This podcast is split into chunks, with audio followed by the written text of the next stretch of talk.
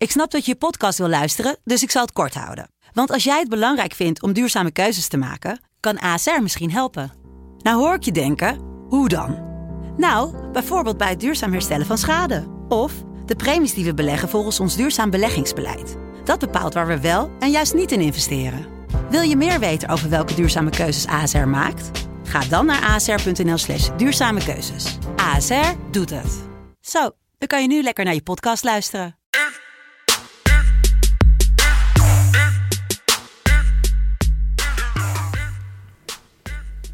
Woensdag 7 juli 2021, tijd voor aflevering 22 alweer. Of 23, één van die twee. Van de sportzomer van FC Betting.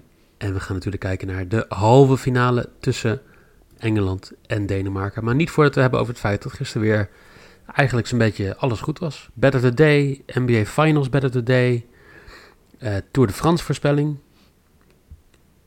Toch wel lekker. Eigenlijk, je had een uh, freebetje ingezet op... Uh, ja, heel simpel. Ik, ik, zag het staan en dacht, weet je, dan ga ik ook niet moeilijk doen. Dan zet ik hem in. Nou, lang niet gek. Nou, vandaag natuurlijk twee keer wordt de man van toe overgereden. Eén keer vanaf de makkelijke kant en één keer vanaf de 22 kilometer 7,8% kant. En de, daar is toch vooral de, degene waar we naar uitkijken. Wil je nou zien wat er vandaag gaat gebeuren en een paar favorieten? Check de socials FC Betting NL, FC.betting op Instagram en FC Betting op Facebook. Ja. Jelle zit uh, voor zich uit te staren zo van... Uh, nou, dit, ik even... gaat over een sport waar ik af en toe een uh, freebetje op zet, maar verder geen stand van heb. Nou, dat, dat ook zeker. Nee, ik zal even een kleine... Mag ik een kleine recap geven van mijn avond gisteren? jij hebt de hele tijd in de studio gezeten. Ik zag jou wegduiken op een van de filmpjes. Dat klopt inderdaad. Ik heb in de studio gezeten. Um, maar ja, dan moet ik ook nog naar huis vanuit Amsterdam. Dus ik zal op Amsterdam rijden. Nou, normaal gesproken of naar Zuid in één keer. Zeg maar, het is, is, vrij logisch allemaal.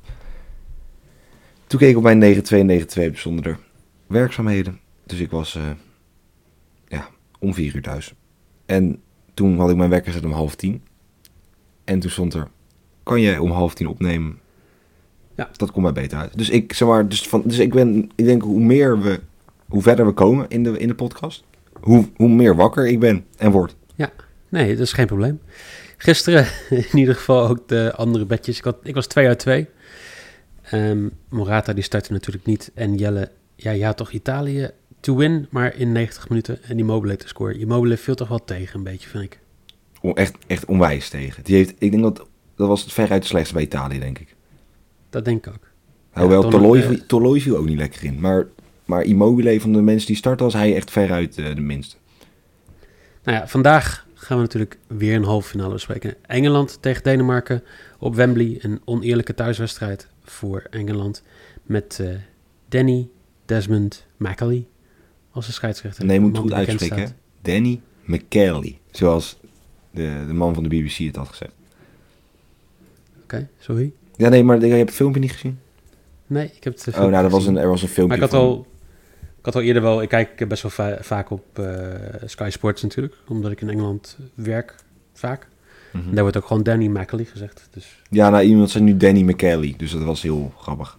Alsof het... Vind ik wel een leuke Schotse naam voor hem. Ja, precies. Maar daarom was het... Dat was best, was best, was best hilarisch. Denemarken heeft toch wel een paar pogingen gedaan om fans daar te krijgen in Engeland. Maar dat gaat niet lukken. Dus nu mogen alleen Deense fans die in Engeland wonen.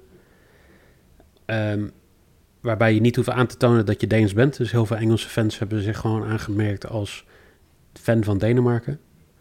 Ik, denk, ik vind het toch wel een beetje. ja, maar ja, het heeft echt iets. Weet je, ergens snap ik het. Um, maar als je ziet hoeveel voordeel Engeland hiervan gehad heeft. Zeg maar, ik hoorde gisteren iemand zeggen... het is eigenlijk wel alsof Engeland kampioen moet worden, dit EK. Ehm, nou, dat wil ik niet zeggen dat ze dat helemaal zo uh, georganiseerd hebben... maar zo komt het wel een beetje over zo. Want je weet dat het nu... het is niet dat, er, dat ze een beetje een, een voordeel hebben, een thuisvoordeel. Het is echt gewoon volle bak thuisvoordeel. Ja. Nou ja, weet je, het is een beetje hetzelfde als een 96. Toen ging het ook goed, toch? Niet. Ik was min 4, dus ehm, dat durf ik niet te zeggen. Nee, maar het, ging ook niet goed in die tijd. Oh, nee, oké. Nou, dat is wel gelukkig. Nee, maar dat is wel een beetje... Ja, dat is, ik vind het toch niet helemaal... Het voelt niet helemaal lekker. Als ik het ja, ik kan niet anders verwoorden. Um, hoe kwamen de teams hier? Dat uh, weet bij iedereen. Maar voor de mensen die niet hebben opgelet dit EK. Engeland die won met 1-0 de openingswedstrijd van Kroatië. Speelde daarna in, in een dramatische wedstrijd 0-0 tegen Schotland. 1-0 gewonnen van Tsjechië, 2-0 van uh, Duitsland en 4-0 van Oekraïne. Denemarken kwam hier natuurlijk met de twee verliespartijen. Met daarnaast de 4-1 overwinning tegen Rusland. Daarna een sterke 4-0 tegen Wales met een rode kaart. En 2-1 eigenlijk de hele wedstrijd onder controle gehad tegen Tsjechië. En dan zou je denken, nou dan heeft Denemarken toch wel een klein beetje een kans. Maar volgens de bookies niet. Nee, maar ik denk dat dat... Uh, denk nu wel echt kwaliteit is van de selecties. En daarbij dan ook nog thuisvoordeel uh, en die, ja, gewoon die 60.000 fans. Okay. Dat, ik denk dat, zeg maar, dat dat wel een beetje de doorslag... Ik heb ook zitten kijken, want ik moet wel zeggen... Ik, ik wou hem echt op, op een x2'tje gooien, zeg maar. Denemarken verliest niet. Um, maar ja, ik, nee, ik toch ben toch bang van niet. Ik ben bang dat, uh, dat dit een, uh, een overwinning voor, voor de Engelsen gaan worden. Gaat worden. Vrees ook. Ja. ja. En, en dat ligt gewoon aan, aan uh, ja... Engeland speelt voor mij nog ineens met hun sterkste elf. Want als jij met Rice en Phillips op middenveld speelt, dan ja, vind ik nog steeds niet dat jij je sterkste team opstelt. En Mount in plaats van Foden, Sancho, in plaats van bijvoorbeeld een Rashford, die ik nog steeds beter vind op die positie. Um, of die namen ze in die positie, zeker tegen iemand als Westergaard. Um, Ja. ook, ook om iemand als Malen gewoon in principe helemaal uit de wedstrijd te halen. Waarbij ik denk dat, dat Sancho dat niet uh, echt kan gaan doen. Dus ja, ik, ik, ik hoop enigszins dat Southgate gewoon hier bewijst dat hij geen goede manager is. En dat hij gewoon in het uh, Deense, in de, in de Deense val trapt. Ja, dat op zich, want daar hebben ze natuurlijk wel de wel echt veel profijt uit gehaald. Die trainer, ja, dat is gewoon blijkt dus gewoon echt een goede trainer te zijn. Dat heeft hij zomaar nu dit EK ook wel bewezen. Maar die speelt dus, kan ook meerdere systemen gewoon spelen. Die heeft vier keer van systeem en van formatie gewisseld. In de wedstrijd tegen België volgens mij. Ja. Uh, maar dat komt dus ook omdat er zoveel multifunctionele spelers in dat team lopen die gewoon van positie kunnen switchen. En daar is bijvoorbeeld zo'n Malen, die zou links, rechter, links achter, rechts achter. Die zou eventueel nog als buitenspeler kunnen spelen. Die Waas die er altijd in komt op rechtsback is eigenlijk ook gewoon een CVM. Bij uh, Valencia heeft hij Ja. heel lang CVM gespeeld. Um, en ik denk dat dat wel nog echt een voordeel kan zijn tegen de Engelsen. Maar ik ben uiteindelijk ik ben toch bang dat die kwaliteit wel echt de doorslag gaat geven. Ik, uh, ik vrees het ook. Um, even wat random statistiekjes. Engeland 11 wedstrijden ongeslagen. 7 uh, wedstrijden zonder een doelpunt toegelaten. Dat uh, tikt ook alweer aan. Ik Bizar. was even vergeten dat zo was. Ja. Met Pickford op doel ook.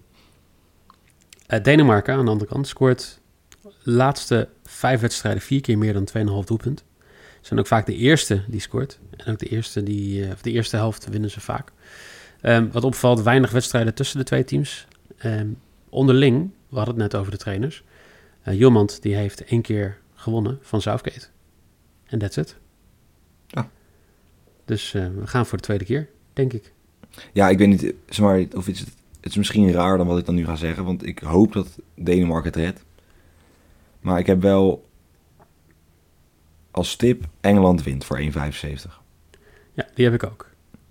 En ik met een iets andere reden dan jij. Want ik jinx elk team bij de 1x2 de laatste tijd, behalve gisteravond.